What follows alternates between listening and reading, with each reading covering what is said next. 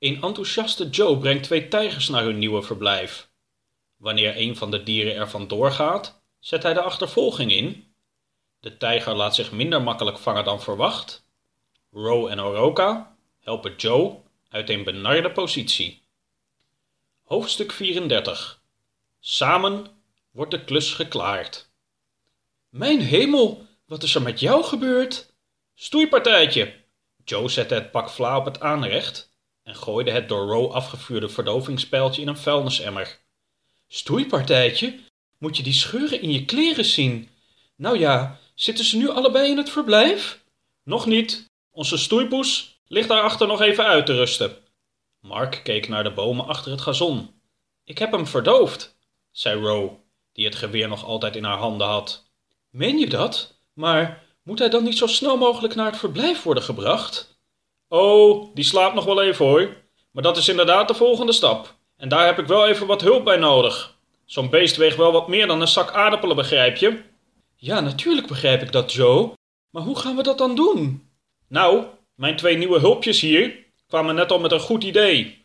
Als jij hier ergens een stevig laken of een kleed hebt waar we hem op kunnen leggen, dan tillen we hem in een van jullie wagens en dan brengen we hem zo hierheen. Een stevig kleed of een stevig laken? Ja, dat hebben we vast wel. In een kamer niet ver van de keuken opende Mark een grote kast vol tafellinnen. Hier, deze is wel stevig. Mark vouwde een wit tafellaken met een vrolijk bloemetjesmotief open. Heeft Michaels moeder jaren geleden nog helemaal met de hand genaaid? Dat kun je je toch niet voorstellen? Monnikenwerk moet dat zijn geweest. Joe bekeek het laken en was tevreden. Goed, deze nemen we. Nu moeten we alleen nog even bedenken hoe we hem optillen. We zijn met z'n vieren, dat is mooi, maar Oroka is wel een stuk kleiner dan wij.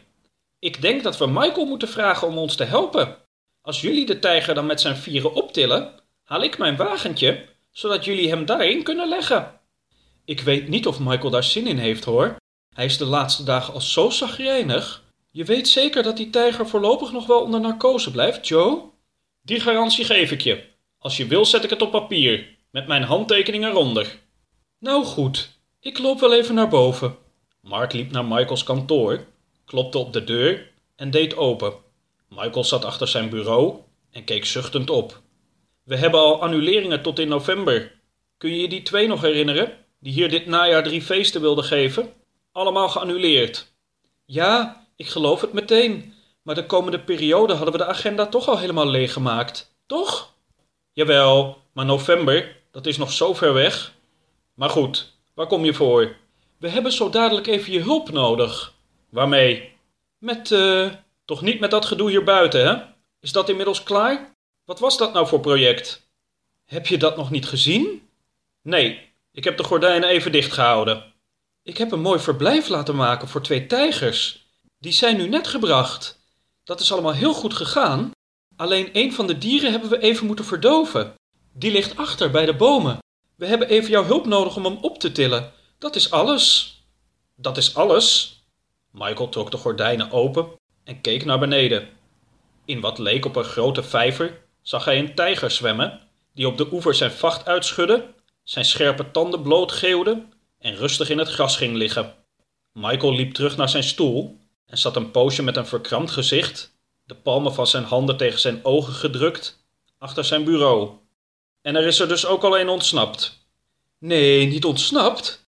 Een van de dieren was gewoon even nieuwsgierig. Kom, help even, Michael. Je moet er toch niet aan denken dat hij daar straks wakker wordt, omdat wij hier nu aan het treuzelen zijn. Michael keek Mark kwaad aan, maar stond uiteindelijk toch op en liep mee naar beneden. Terwijl Oroka zijn wagentje haalde, liepen Joe, Mark, Michael en Ro naar de tijger, die met zijn tong uit zijn mond onder een boom lag. Ze rolden het dier op het laken, toen Michael het laken eens wat beter bekeek. Is dat, is dat niet dat tafellaken van mijn moeder? Van je moeder? Nee, toch? Jawel, dat is dat laken van mijn moeder. Godsamme. Echt waar? We hebben zoveel lakens. Daar heb ik even niet op gelet hoor, lieverd. Maar eigenlijk ook wel leuk, toch? Gebruiken we dat ook nog eens? Oroka kwam aangereden. De vier tilden het laken met daarin de tijger op en legden hem, zonder veel problemen, in de laadbak. Bij het verblijf tilden ze de tijger er weer uit, waarna Joe hem naar binnen sleepte. Zo, die klus hebben we weer mooi geklaard. Joe draaide de deur van het tijgerverblijf op slot en gaf de sleutel aan Mark. Zeg Joe, wordt die tijger zo uit zichzelf wakker? Of moeten we daar nog iets voor doen? Gewoon lekker laten liggen. Als hij er over twee uurtjes nog zo bij ligt, zou je even een plens water over zijn rug kunnen gieten om het systeem weer op te starten. Maar meestal is dat niet nodig.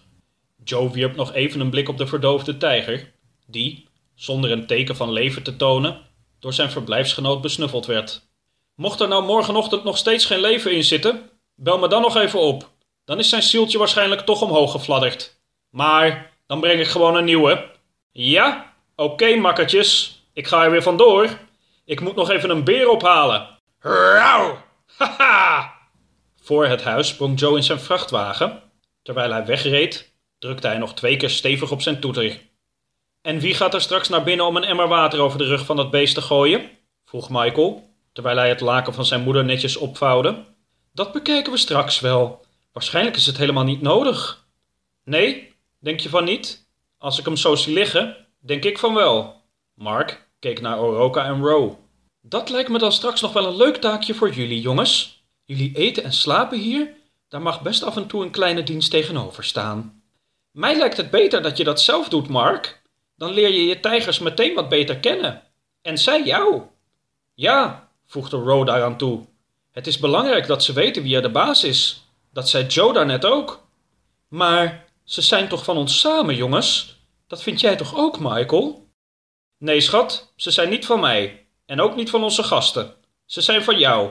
Van jou en van niemand anders. Dus ga jij straks maar even met een emmertje naar binnen.